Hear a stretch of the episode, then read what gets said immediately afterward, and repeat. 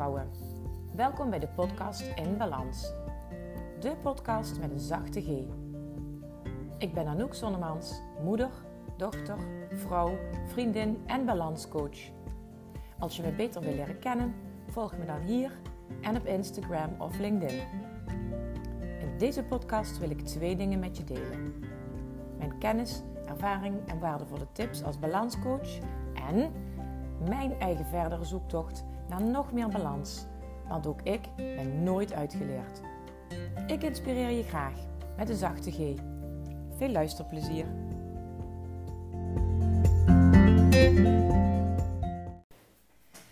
Hey hallo lieve vrouw, welkom bij weer een nieuwe aflevering, aflevering 43 met als thema perspectief. Het moment van opnemen is nu heel anders, want normaal gesproken neem ik dit op als ik alleen in huis ben of uh, als ik onderweg ben. En uh, nu zit ik uh, op maandagavond om tien voor zeven klaar om weer een nieuwe podcast op te nemen. Gewoon een extra aflevering ook nog. Deze zet ik meteen online. Omdat ik heel graag iets met jullie wil delen. Vers van de pers. het gaat over perspectief. Het gaat over mijn situatie.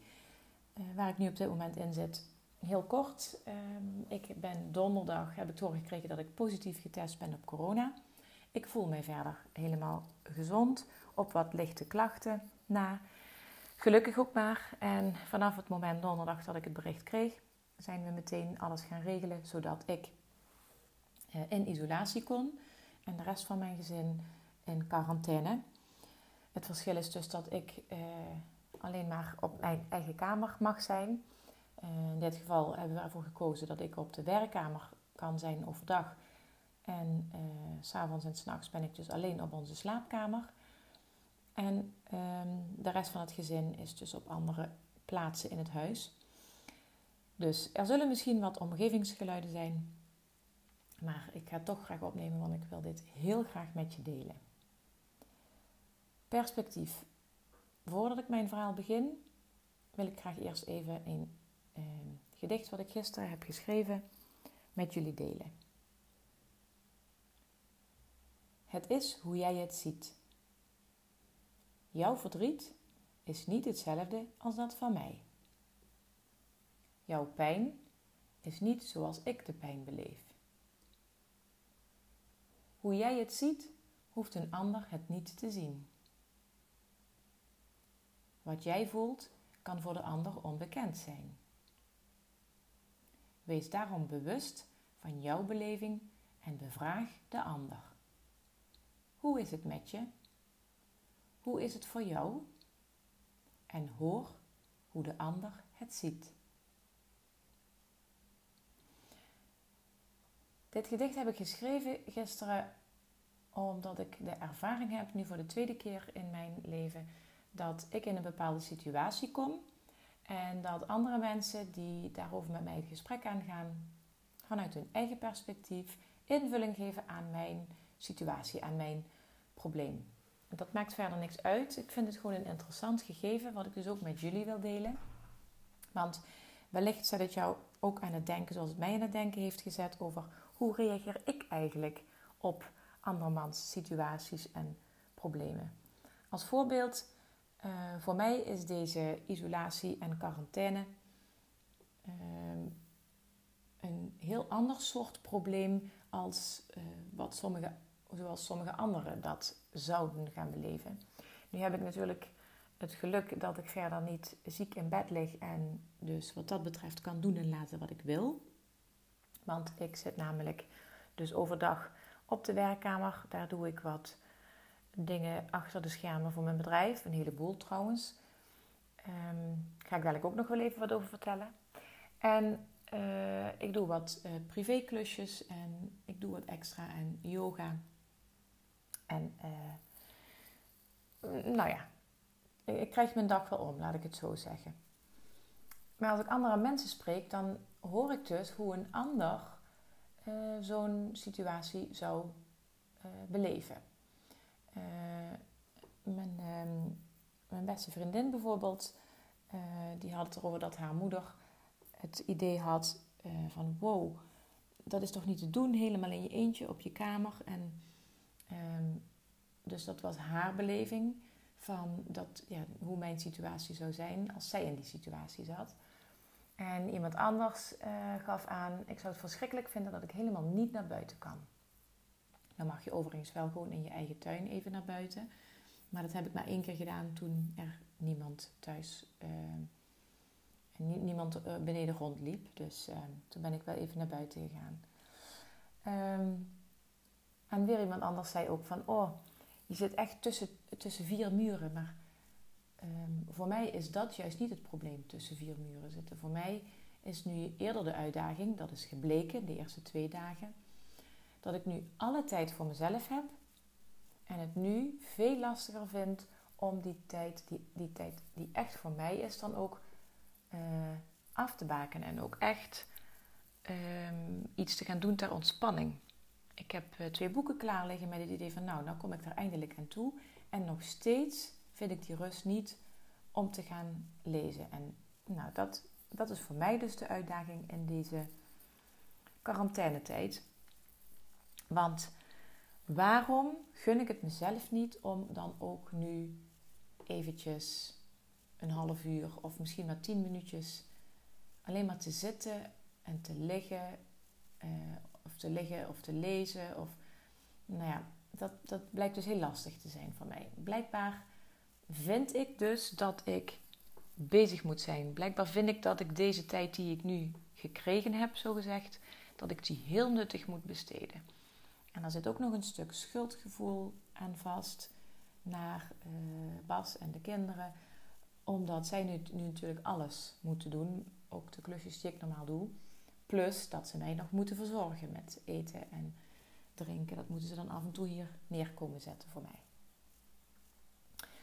Dus dat is wel heel interessant hoe een ander daar tegenaan kijkt en hoe ik ergens tegenaan kijk. Dus ieder heeft zo zijn eigen perspectief. En um, ik, ik eindig dus ook mijn gedicht met: Wees daarom bewust van jouw beleving en bevraag de ander in plaats van ervan uit te gaan dat de ander het op dezelfde manier beleeft. Is mij nu trouwens uh, niet echt gebeurd nog in deze periode. Ik werd me er alleen bewust van dat iedereen het anders um, bekijkt. De eerste keer dat ik hiermee in aanraking kwam was uh, vorig jaar. In de zomer toen mijn uh, moeder overleed. Toen werd ik voor het eerst me bewust van het fenomeen dat andere mensen hun uh, band met hun moeder automatisch uh, voor waar aannamen naar hoe ik, uh, hoe mijn relatie en dus ook mijn verdriet en mijn beleving van het overlijden van mijn moeder zou moeten zijn. Ik, ik oordeel daar verder niet over hoe een ander dat bekijkt, maar het, het, zette mij weer aan het denken over ja, dat iedereen een andere relatie kan hebben met uh, zijn ouders, zijn of haar ouders. Als voorbeeld, uh, dat vind ik een heel treffend voorbeeld. Iemand gaf aan: Oh, het is zo erg als je moeder er niet meer is, omdat je dan steeds de telefoon wil pakken om te vragen: Mama, hoe deed jij dat? En daar herkende ik mij totaal niet in, omdat namelijk mijn moeder voor mij geen vraagbaak was. Um, dat is juist eerder de rol die mijn vader in mijn leven uh, altijd heeft gespeeld en nog steeds. Dus daar herkende ik mij totaal niet in. Um, en ook um, uh, wat iemand anders, iemand had al een, jaar geleden haar uh, moeder verloren. En was daar nog steeds intens, intens verdrietig over en projecteerde haar verdriet dus op dat moment op mij. En ik zat natuurlijk sowieso in een hele andere fase, want het was pas net gebeurd. Maar um, klinkt misschien een beetje gek om te zeggen, maar dat intense verdriet, dat is er bij mij uh, bijna niet geweest. Er zijn heel veel momenten geweest dat ik verdrietig ben geweest. En er zijn nog heel veel momenten dat ik mijn moeder ook mis. En dat mij het ook aangrijpt als ik erover nadenk of als ik bepaalde muziek hoor. Maar er was vanaf het moment dat mijn moeder uh, haar, laatste uren eigenlijk inging, zonder dat we dat al zeker wisten op dat moment, maar um, begon dat proces eigenlijk al van accepteren en ook ehm, een soort van berusting hebben, omdat eh, mijn moeder eh, in de laatste jaren van haar leven best wel uh, achteruit was gegaan qua gezondheid. En um, zij had hele ernstige longproblemen en ze had ook best wel veel last van um, bepaalde. Op bepaalde momenten had ze best wel vanuit paniek. Uh, kreeg ze dan ook, ja, had ze dan ook steeds meer moeite met ademhalen. Dus um, hoe gek het misschien dan ook klinkt, was daar al voor mij al redelijk snel een soort van berusting. Dat wil niet zeggen dat het gemis er niet is. Um, maar mijn verdriet van dat mijn moeder er niet meer is, is heel, een heel ander soort verdriet als wat een ander heeft bij het verlies van zijn of haar moeder of een van de of ouder of familielid. En dat is oké. Iedereen beleeft het op zijn eigen manier. Ik heb er bijvoorbeeld, en dit is heel persoonlijk wat ik nu ga delen, maar ik ga het toch vertellen. Eh, de momenten dat ik er het meeste verdriet van heb, is als ik zie dat mijn vader er uh, pijn en verdriet uh, van heeft.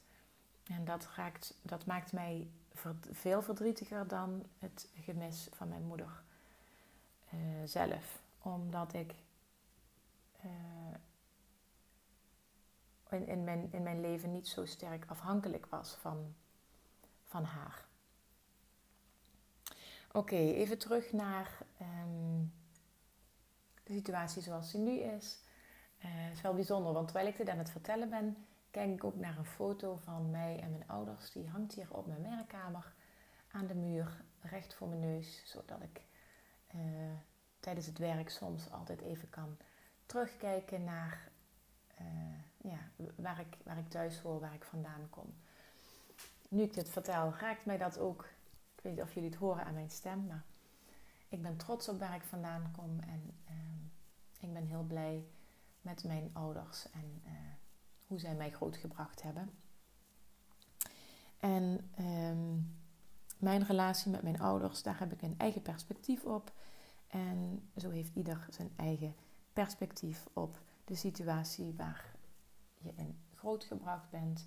Je hebt een, eigen perspectief op hoe je uh, dingen beleeft, vervelende dingen, zoals bijvoorbeeld quarantaine nu in dit geval.